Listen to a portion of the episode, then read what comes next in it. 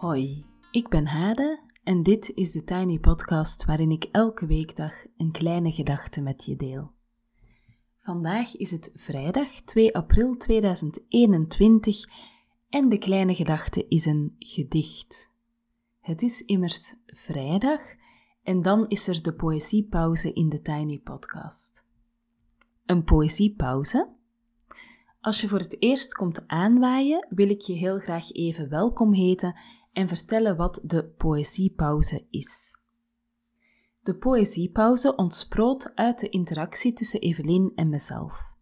Evelien is onder meer een begenadigd schrijver en ik link in de show notes naar haar blog. Hoe zou het zijn, dacht ze, om even te kunnen pauzeren met een gedicht? Laten we dat uitzoeken, dacht ik. En toen creëerden we de poëziepauze en we nodigen jou uit om even te pauzeren met een gedicht. Ga bijvoorbeeld even op toilet zitten met een gedicht.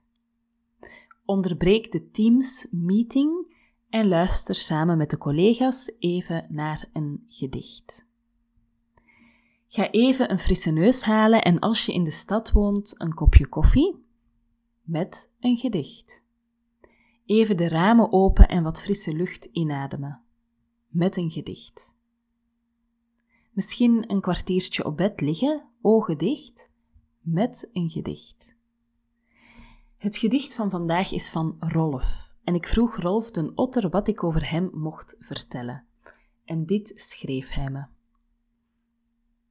Dat ik op de lagere school erg slecht was in Nederlands bij mijn CITO had ik een score 99 en 100 voor alle vakken behalve taal. Daar scoorde ik 44. Dat, na diverse omzwervingen, ik nu lesgeef op de Hogeschool Rotterdam in communicatie en multimedia technologie en probeer mijn PhD over geluid en marketing af te ronden aan de TU Delft. Dat voorlezen fun is en dat ik hoop dat post podcasts zoals deze, die kleine tiny podcast, ertoe bijdraagt dat mensen elkaar weer verhalen vertellen.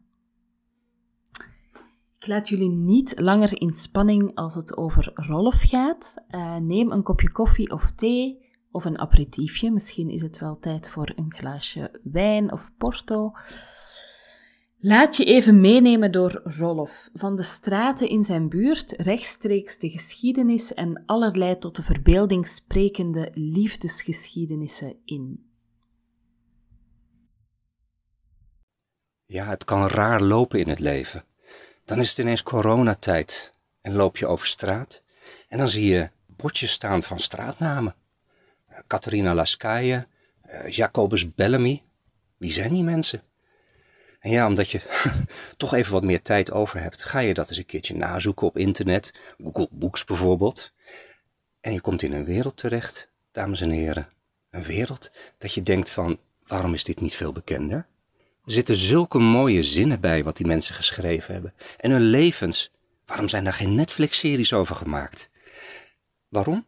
Nou, ik zal u even meenemen naar die twee dichters en vertellen wat mij zo fascineert.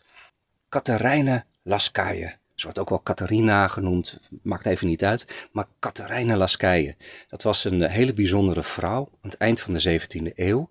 Bijzonder omdat zij eh, uitgeefster was, ze had haar eigen uitgeverij. En na haar dood heeft haar neef bijna al haar gedichten uitgegeven. Dat was voor een vrouw eigenlijk nog nooit gebeurd. En toen ze heel jong was, toen bleek al dat ze heel veel talent had. Zij zat bij Joost van den Vondel hemzelf op schoot. Die was 70, zij was 11. En zij las haar gedichten, haar kindergedichten voor. En Joost had zoiets van: Oké, meisje, jij gaat voortaan door met dichten. Dit, is, dit heeft zo'n kwaliteit, hier moet je door mee gaan. En dat deed ze. Ze schreef toneelstukken, vertaalde toneelstukken. Die werden in de Amsterdamse Schouwburg werden die opgevoerd. En zij verkocht de programmaboekjes bij andere toneelstukken. En daar kon ze aardig mee aan de kost komen. Alleen haar liefde. Zij was ongetrouwd. Maar waarom was zij ongetrouwd? Zij schreef allerlei brieven aan vriendinnen van haar. En ja, tegenwoordig de tijd doen die denken dat er misschien wel soms wat meer speelde tussen de schrijfsters.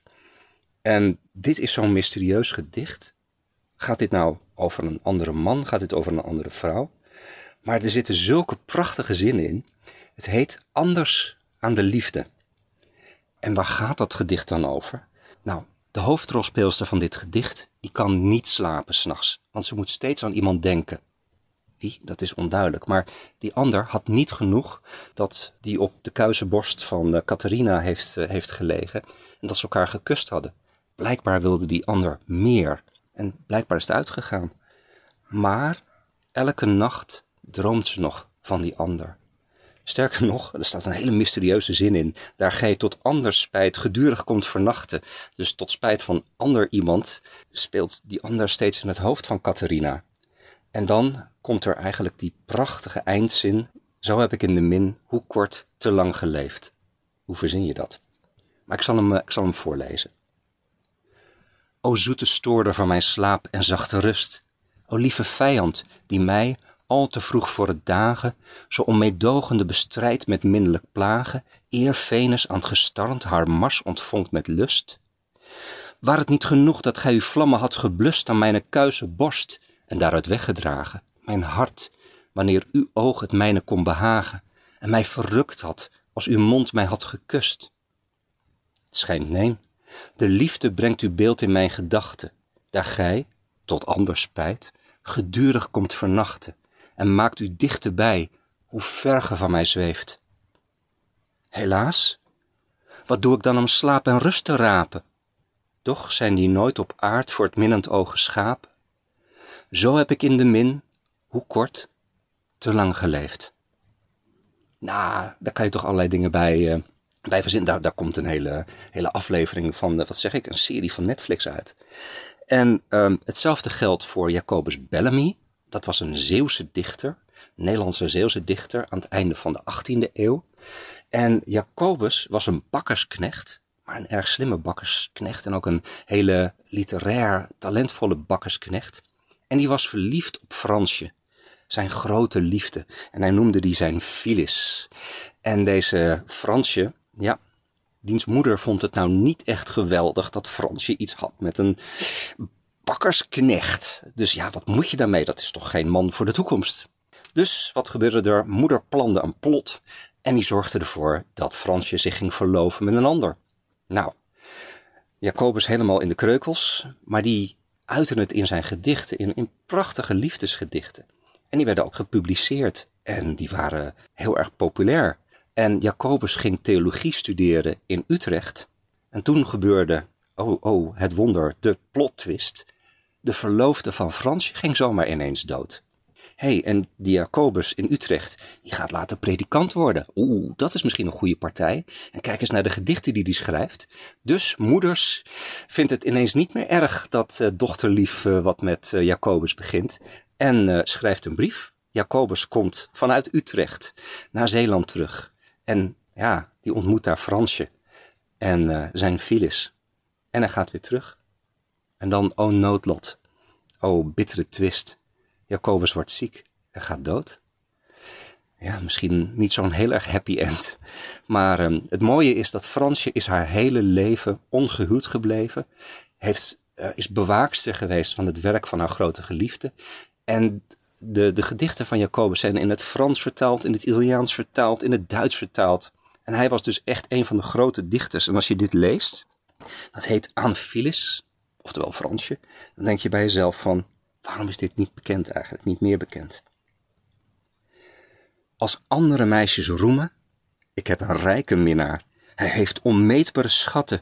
Hij geeft mij menigmalen de prachtigste geschenken.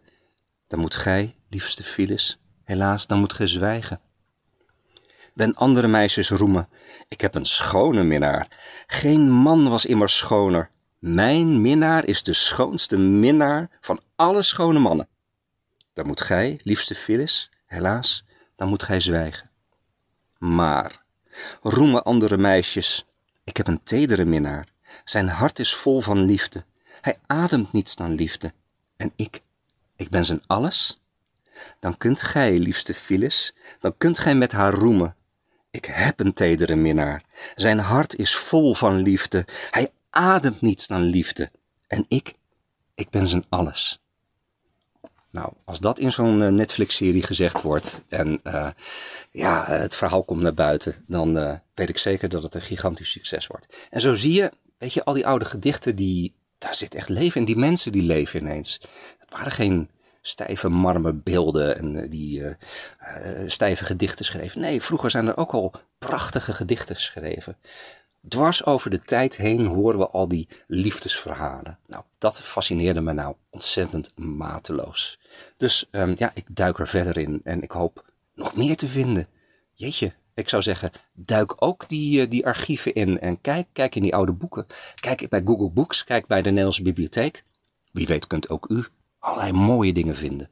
Dat was de boodschap die ik had eigenlijk aan de wereld. En nu mag u weer verder aan het werk, aan de slag. Uh, Zoom-meetings gaan doen, uh, lekker aan de Excel-sheets. En uh, ik hoop dat u een goede dag heeft. Dankjewel, Rolf. Ik geef je een 99, 99 eh, sorry, en stuur deze poëziepauze maar even door naar je leerkrachten uit de lagere school. Stiekem, stiekem hoop ik dat je nog meer van deze poëziepauzes in je mouw hebt zitten en er voor ons zal uitschudden, want voor mijn geestesoog spelen zich allerlei Netflix-serie-waardige taferelen en intense liefdesgeschiedenissen af, dankzij deze poëziepauze. Zo. Ik wens jullie alvast een zalig Pasen, want dat is dit weekend. Maandag is er gewoon een Tiny Podcast. Wat dacht jij dan? Op maandag checken we altijd in. Uh, dan stel ik twee incheckvragen en kan je even de vinger aan de eigen pols houden. Je kan dat doen door na te denken of door te schrijven.